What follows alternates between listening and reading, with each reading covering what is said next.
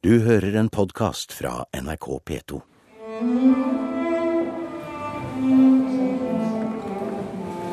Enda en skoleklasse strømmer inn på Jødisk museum i Oslo.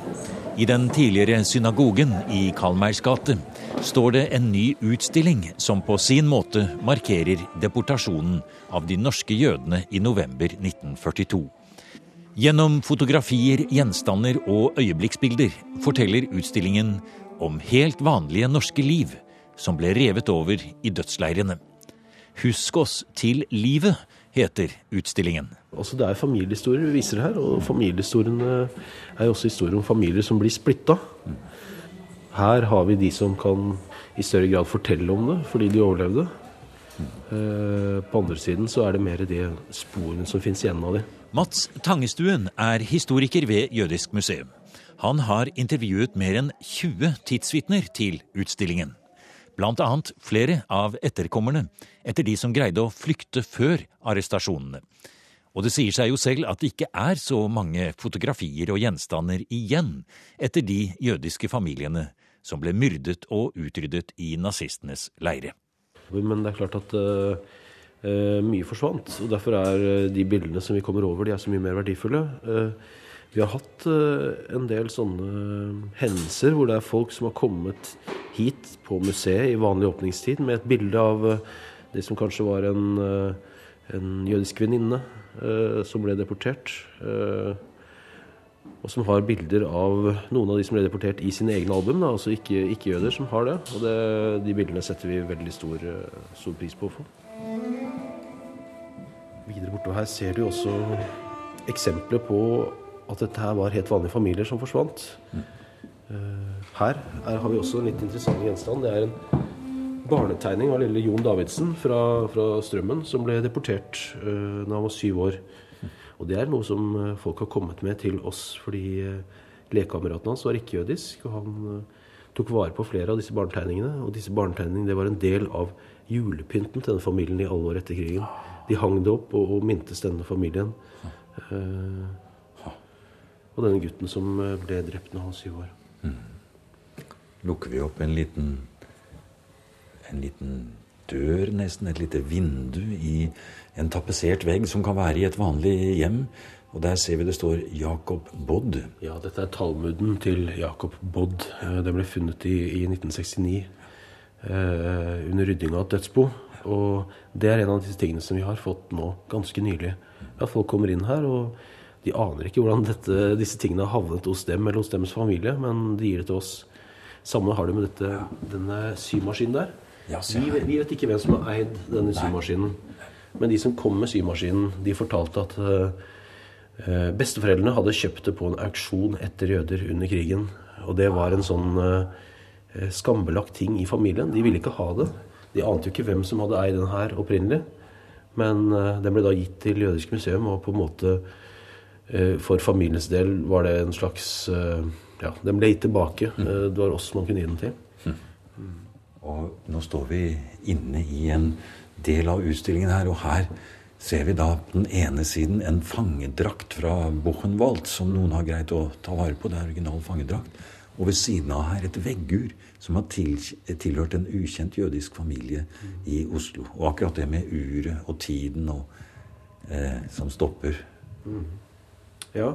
Eh, fangedrakten er noe av den første gjenstanden vi fikk. Uh, og det er også litt spesielt at når vi, når vi etablerte et museum i 2004, uh, ca. fire år før vi fikk uh, vår første utstilling, men begynte å samle inn uh, gjenstander, så var noe av det første vi fikk, det var altså Fokus på de første gjenstandene vi fikk, lå rundt holocaust. denne fangedrakten har tilhørt Samuel Steinmann, som jo nå er den eneste av gjenlevende av de ni som overlevde transporten med Donau.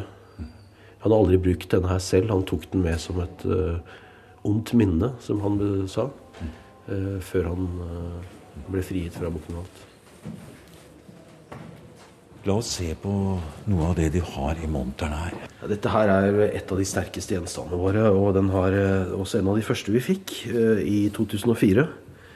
Og vi har lurt veldig på hvordan vi skal bruke denne, denne gjenstanden, og hvordan den skal få en, hvordan den skal få en verdig plass. Det er altså da barnealbum til Ruth Sakolsky, som ble født sommeren 1940 i Tromsø. Eh, Foreldrene hennes, Rebekka og Selik, de var, altså Rebekka var 38 år, Selik var faktisk 25 år eldre. De hadde forsøkt å få barn lenge, og fikk til slutt da lenge etterlengtet et barn. Mm -hmm. Ruth fikk dette ballalbumet av sin, av sin barnepasser eh, når hun var ett år.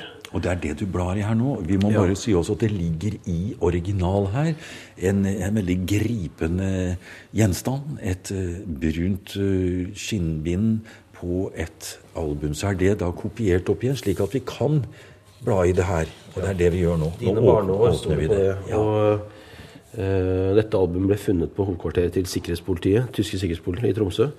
8. mai 1945. Og dette er et helt vanlig album, sånn som, folk, sånn som barn får nå, hvor det står Det noteres vekt. Se her, ja. Bilder. Ser ut som starten på et normalt liv. Et, et lite barn ligger på et Ja, dette saueskinnet. Her er, her er ja. bilde av henne som seks måneder, født ja. 5.07.1940 i Tromsø. Ja. Her er det slektstavler. Ja.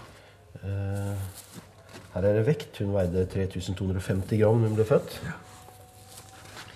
Og så skriver, moren, eh, så skriver moren i dette albumet, og det blir mer og mer en, en dagbok. Eh, I Nord-Norge så arresteres de jødiske mennene sommeren 41, eh, rett før, rett før angrepet på Sovjetunionen. Så hun forskriver om dette, at far ble arrestert. Og det kommer en del bilder her. De har familie i Harstad. De reiser til Harstad. Og det siste, det siste vi ser i dette albumet, det er lille Ruth på hennes toårsdag. Da har hun bursdagsselskap hjemme. Og det du blar gjennom her nå, det er egentlig veldig spesielt. For det du blar gjennom, det er en barndom i Tromsø i 1940. Hvor barn sitter ute på, på trappa, de leker, de er på familieutflukter, de vinker mot kamera. Her er det noen som sitter, ser vi her nå, på en liten sommertur i ja, altså, juli 1942. Og da er altså familiens far allerede internert og ført bort. Ja, han... Han blir deportert før, eh, før eh, mor og datter. Mm. han sendes først på uh, altså Han sitter jo på Sydspissen fangeleir på Tromsø og er på, i Kvenangen på veiarbeid. Han kommer Grini og blir ført ut av Norge før disse. Mm. Uh, og veldig mange av de som er på bildene her, er jo ikke-jødiske venner av dem. På bursdagsselskaper og sånn. Det er vel bare Ruth her som er jødisk, bortsett fra her hvor hun er på besøk i Harstad. Mm. Her er hun i Harstad sammen med Harry. Harry Kaplan, som er fetteren hennes. Han blir også eh, deportert og drept. Men hvordan havner dette albumet hos sikkerhetspolitiet? Er det moren som tar vare på dette på den, til den siste dagen, holdt jeg på å si? Nei, Det er det vi ikke vet. Eh, disse blir da arrestert eh, i, eh, altså i slutten av november 1942. Antagelig så blir dette albumet liggende igjen, og så er det noen i det sikkerhetspolitiet som, som beslaglegger det. Hvorfor de har spart på det, det aner jeg ikke. Eh, det vet vi rett og slett ikke, og det er vel umulig å finne ut. Men eh, det har i hvert fall ført til at eh, altså Man kan i hvert fall tenke seg hvor mange slike album som ble brent. Og Det skriver jo også eh, likvidasjonsstyret, altså NS, NS styres for, altså for de som skulle ta, overta jødisk bo. Der skriver de jo at bl.a. at uh, fotoalbum, private brev og slike ting, altså slik gammelt rask, som de sier det, det har ingen, uh, det har ingen verdi uh, i det nye Norge. Og dette er egentlig ting som skulle blitt brent og ødelagt. Disse menneskene skulle forsvinne.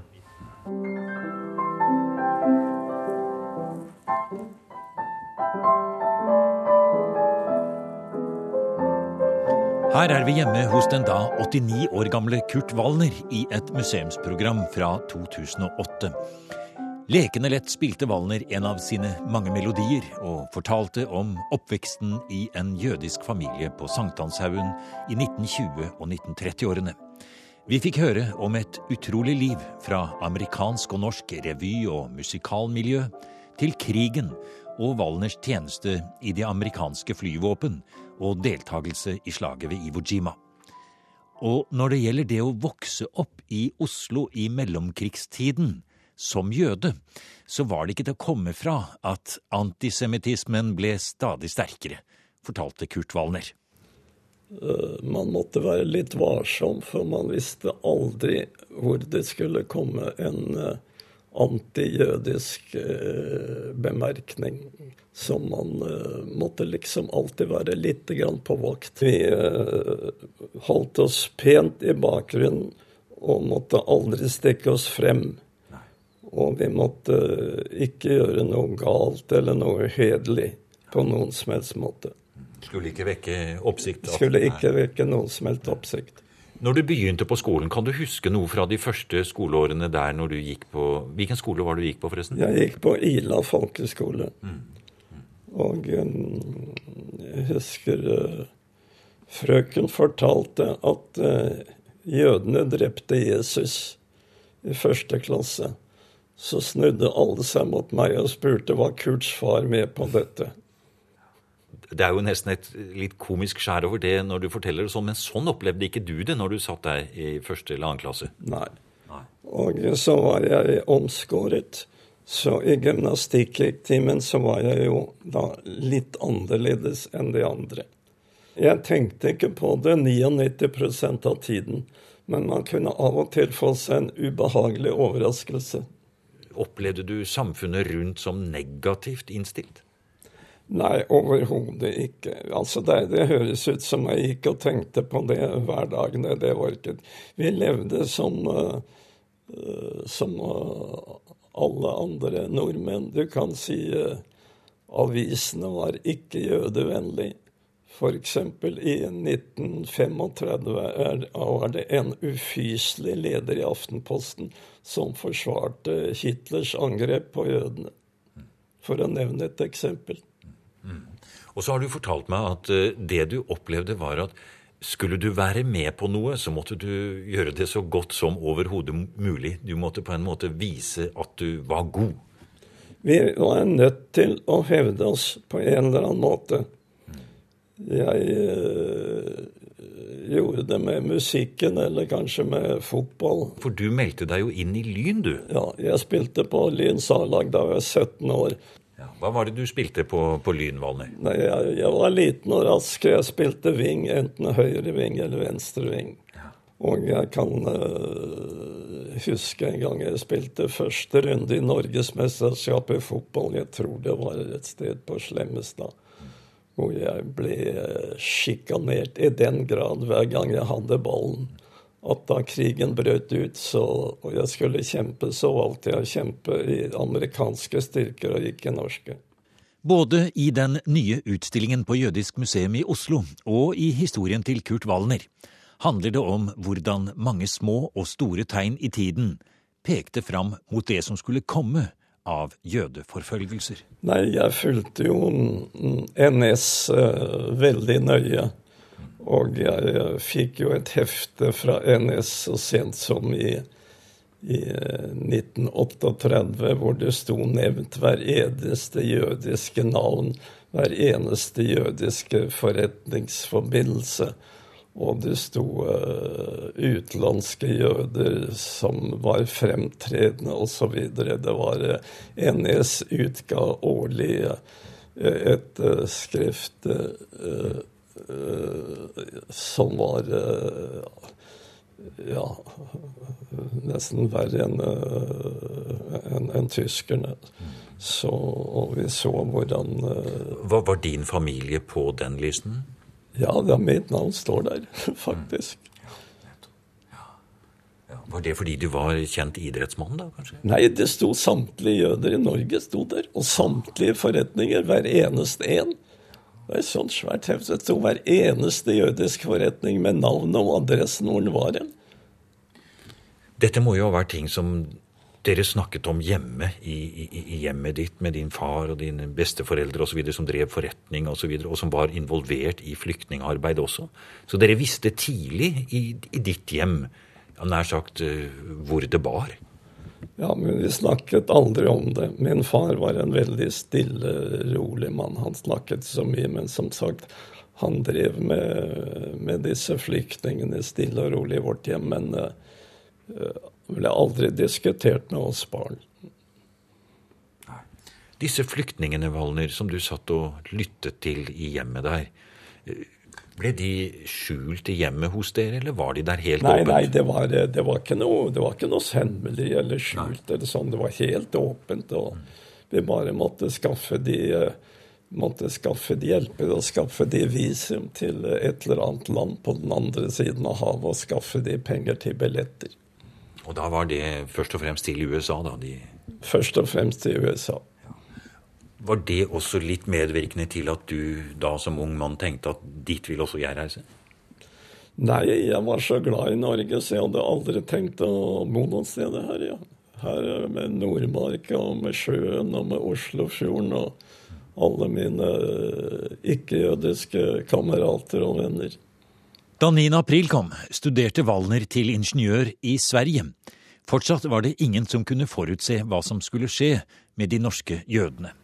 Og Wallner satt utålmodig i Sverige og vurderte hva han skulle gjøre. Og det som jeg sitter og venter på, hvorfor jeg ikke reiser Jeg håper og venter at min familie skal reise ut av Norge. Mm. Og det gjorde min uh, mor og min søster. De kom seg over til Amerika faktisk ved siste båt fra Italien.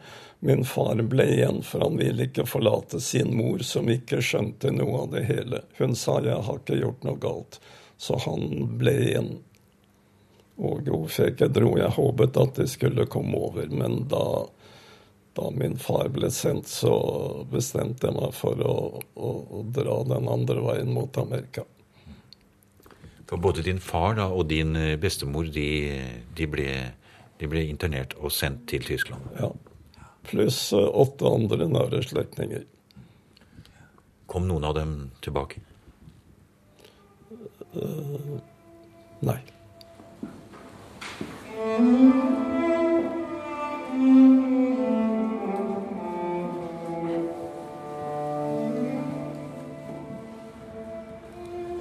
kan ikke vært mer litt over seks.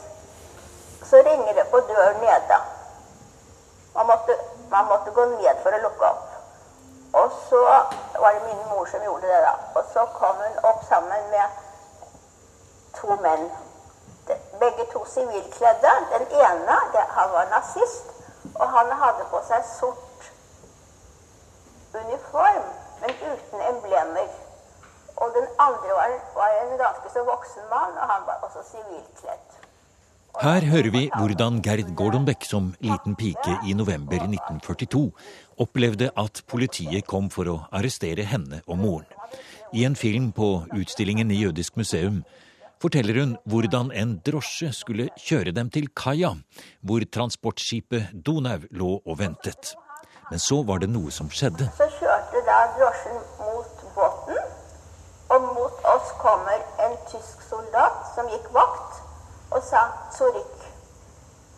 Og drosjesjåføren, som bare hadde som oppgave å, å, reise til båten med oss, visste jo da ikke hva han skulle gjøre. Så spurte han til Markveien.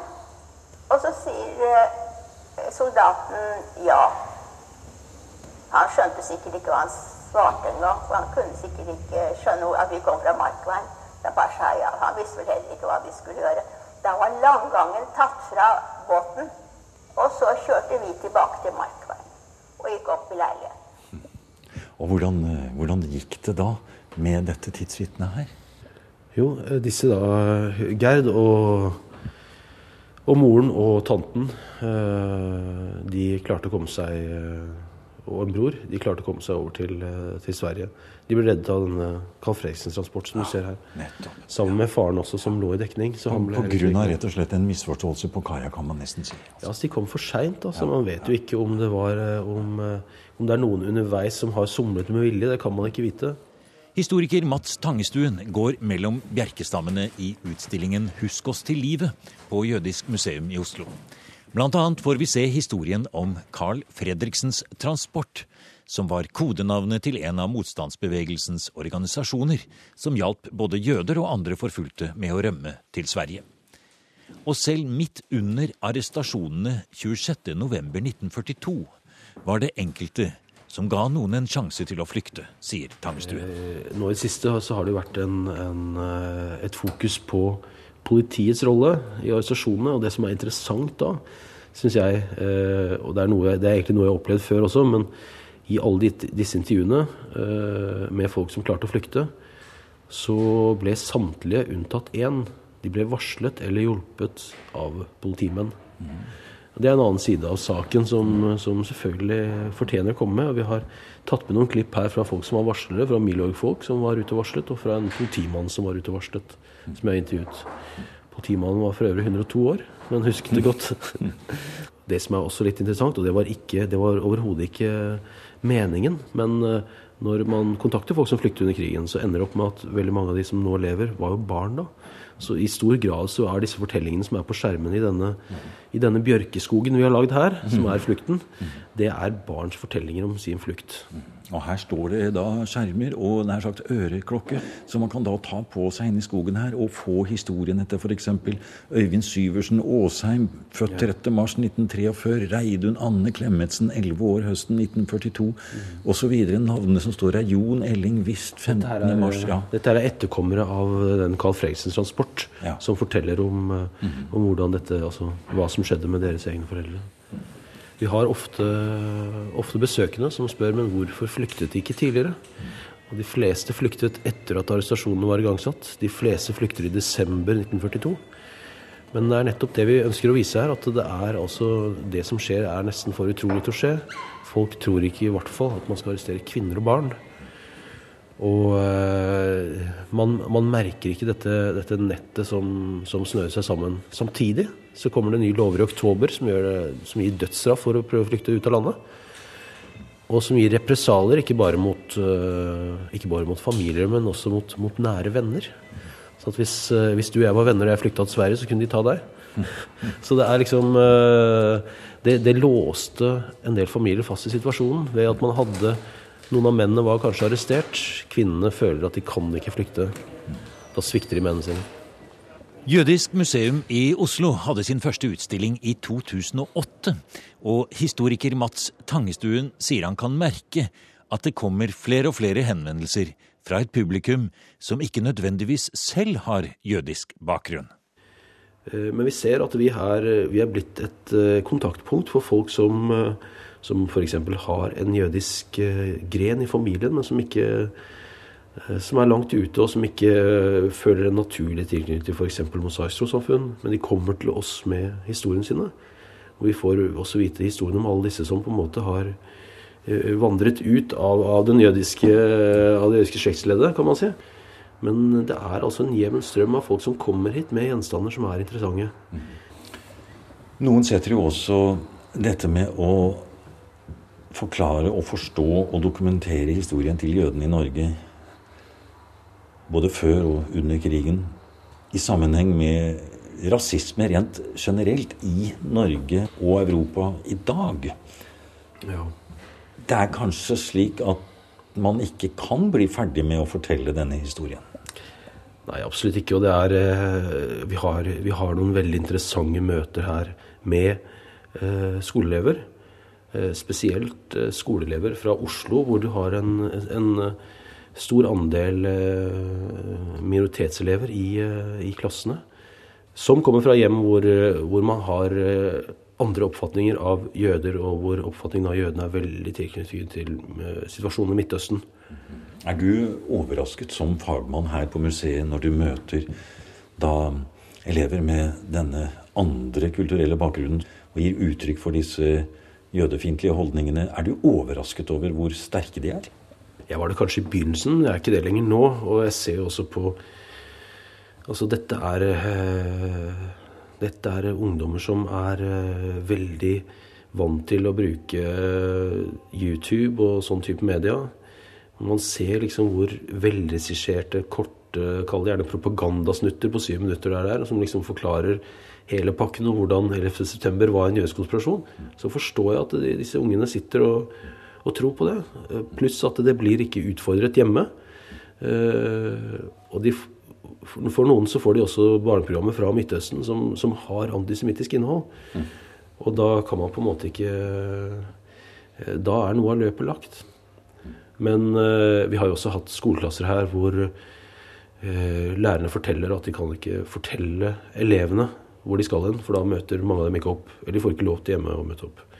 Og Vi har hatt elever her som sier at eh, tusen takk, dette var fantastisk, men jeg kan ikke fortelle hjemme hvor jeg har vært hen i dag. Så øh, dette er jo ikke en religiøs institusjon. Vi driver jo ikke øh, vi omvender ikke folk her. Men vi ønsker å, å, gi et annet bilde enn det de i stor grad er flasket opp med. Og det å kunne ta de imot her og vise de og fortelle de og, vi, og si at dette er noe annerledes, dette er noe, å vise også med matregler hvor mye som er likt, Eh, det er veldig spesielt, eh, syns jeg. Og de får lov til å fortelle om fordommene sine. De får lov til å si hva de har hørt. De, eh, og vi vil at de skal si det. Vi vil ikke at de skal sitte her og brenne inne med det og så gå ut igjen og fortsatt tro på det. Vi må få det ut. Og det er, Her sitter folk og forteller at de er overbevist om at jødene styrer verden. De er overbevist om at jødene sto bak 11.9. Men det er veldig fint at de sier, for da kan vi, da kan vi diskutere det. Så om ikke vi klarer å, om ikke vi klarer å liksom forandre mennesker totalt, så tror vi at vi, vi sår et lite frø i noen av disse elevene som gjør at de får et annet bilde.